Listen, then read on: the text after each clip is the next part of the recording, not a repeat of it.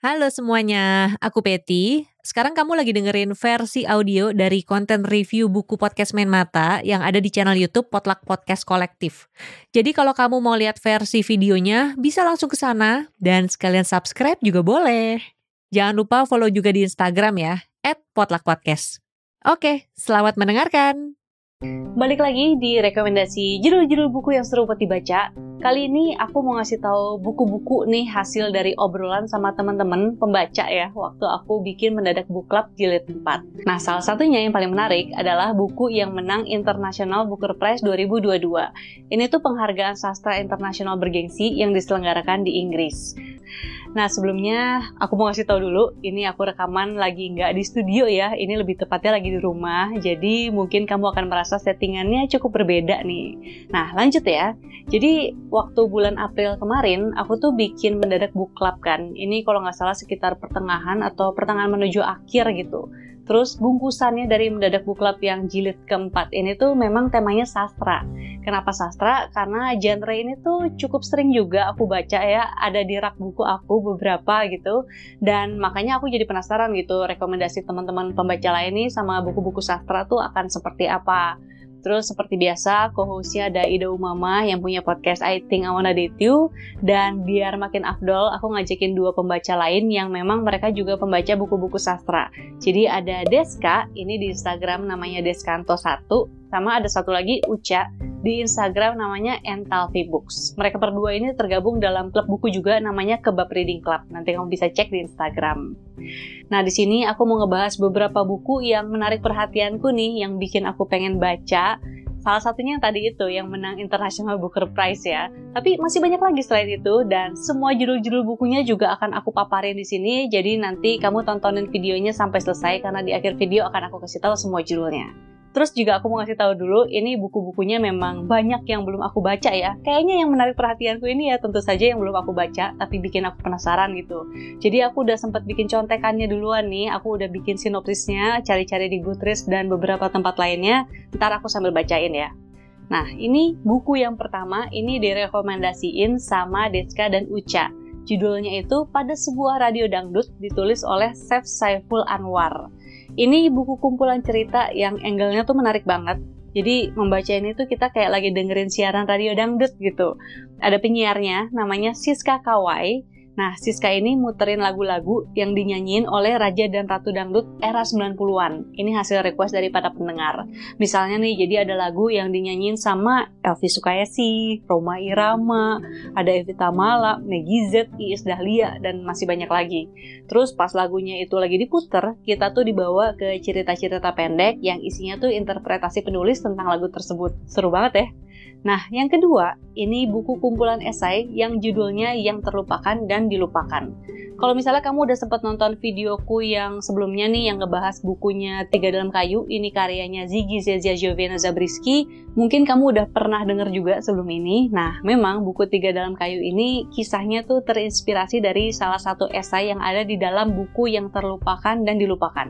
Kalau misalnya kamu mau nonton videonya, ntar aku kasih linknya di deskripsi video ini ya.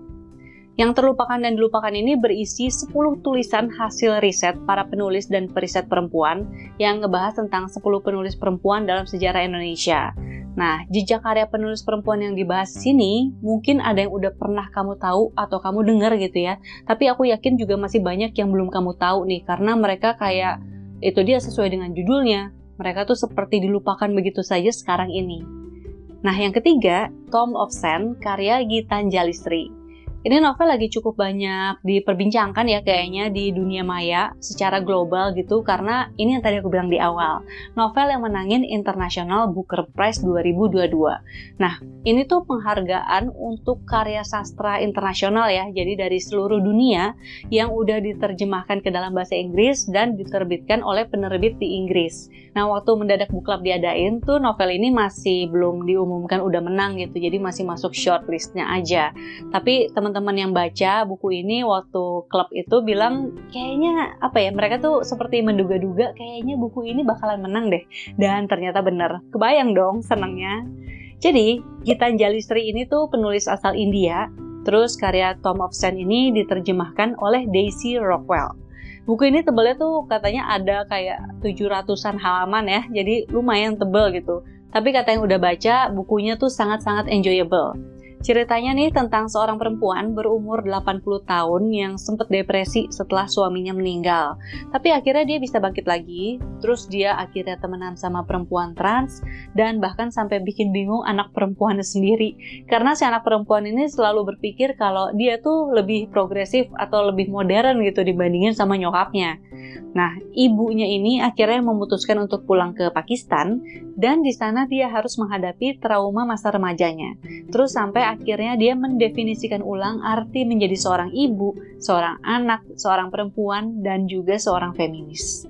Nah, meskipun topiknya ini terkesan serius dan juga penuh tragedi gitu ya, tapi katanya ceritanya tuh dibuat sangat playful dan rasanya sih cara dia berceritanya ini nih yang benar-benar memikat para pembacanya. Buku yang keempat judulnya The Insect Crisis ditulis oleh Oliver Millman. Ini salah satu buku yang aku lumayan penasaran nih waktu direkomendasiin ya di Mendadak Book Club. Ini buku non-fiksi, ditulis sama seorang jurnalis dan Oliver ini penulisnya, dia tuh environment reporter di Guardian News and Media. Jadi no wonder kalau dia menulis tentang serangga sebenarnya. Nah, baca buku ini akan bikin kamu berpikir ulang tentang keberadaan serangga nih, tentang pentingnya mereka. Mungkin selama ini kita taunya serangga itu atau kebanyakan dari kita ya, termasuk aku ya, ngerasa serangga tuh kayak kayak menggelikan gitu ya. Terus menyeramkan lagi kakinya kan banyak.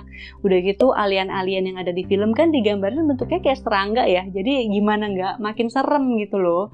Tapi lewat buku ini penulisnya tuh mau memaparkan kalau serangga tuh punya fungsi yang super penting buat keberlangsungan bumi.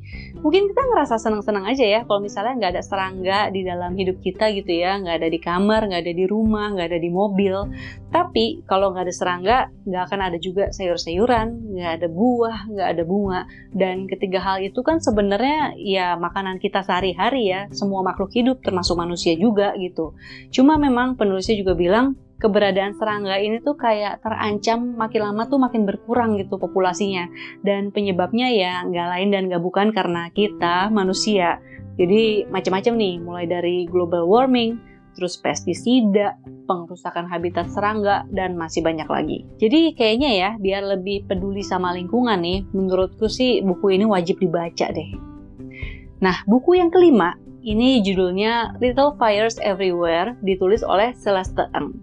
Ini kayaknya buku yang cukup populer juga ya, dan dia juga sudah diadaptasi itu ke dalam TV series dengan judul yang sama, Little Fires Everywhere juga. Aku belum nonton tapi, dan aku juga lupa ya, dia tuh udah diputar di platform OTT yang mana. Cuman yang aku inget pemainnya itu ada Reese Witherspoon, ada Kerry Washington, sama ada Joshua Jackson. Ada dari kamu yang tahu Joshua Jackson mungkin? Atau pernah nonton serial TV Dawson's Creek? Kalau misalnya nggak tahu, nggak pernah denger, berarti fix kita nggak seumuran nih, gengs.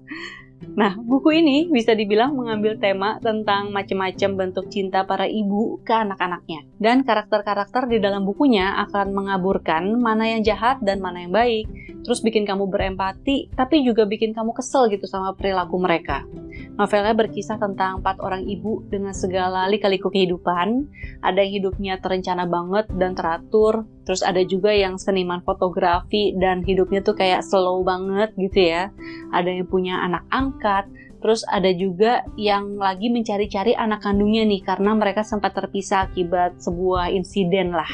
Nah, konflik di antara keempat ibu ini yang akhirnya menjadi jalinan dari ceritanya karena semuanya tuh saling terhubung satu sama lain. Buku yang keenam judulnya Burung Kayu karya Nidu Paras Erlang. Kalau ini direkomendasiin sama Ida Umama selaku co-host ya, dan dari ceritanya dia sih aku jadi cukup tertarik nih buat baca. Buat kamu yang belum tahu, buku ini menangin Kusala Sastra Katulistiwa tahun 2020 untuk kategori prosa, terus juga masuk dalam daftar nominasi naskah yang menarik perhatian juri waktu saya sayembara novel Dewan Kesenian Jakarta tahun 2019. Menarik kan? Burung Kayu ini bisa dibilang novel etnografi. Ceritanya tuh berlatar di Mentawai dan ngebahas tentang konflik antar suku. Ada juga konflik antara pemerintah dan masyarakat lokal, terus juga ngebahas tentang topik keagamaan. Yang menarik, buku ini tuh banyak memakai bahasa Mentawa ya, tapi tidak ada catatan kaki sama sekali. Dan ini disengaja gitu. Jadi pembaca-pembaca nih, kalau aku baca reviewnya gitu ya dari mereka, kayak mereka sambil baca sambil googling gitu ini artinya apa sambil baca sambil googling. Tapi ada juga yang akhirnya ya udahlah bablas saja baca terus sampai akhir meskipun nggak ngerti-ngerti amat nih sama bahasanya tapi tetap bisa dapetin intisari dari ceritanya. Nah memang penulisnya editornya sengaja banget nggak ngasih informasi itu ya catatan kaki arti-arti dari bahasanya itu. Karena apa ya dia tuh kayak pengen mengajak orang-orang mayoritas nih untuk bisa lebih berempati terhadap orang minoritas ya. Karena kan gimana pun juga di Indonesia ini yang masih menjadi fokus, yang masih menjadi perhatian itu kan suku-suku di Pulau Jawa ya atau ya bisa dibilang suku Jawa lah orang-orang yang tinggal di Jawa gitu. Sementara di Indonesia ini sebenarnya ada banyak banget suku lain yang kurang mendapat sorotan dan juga kurang diperhatikan.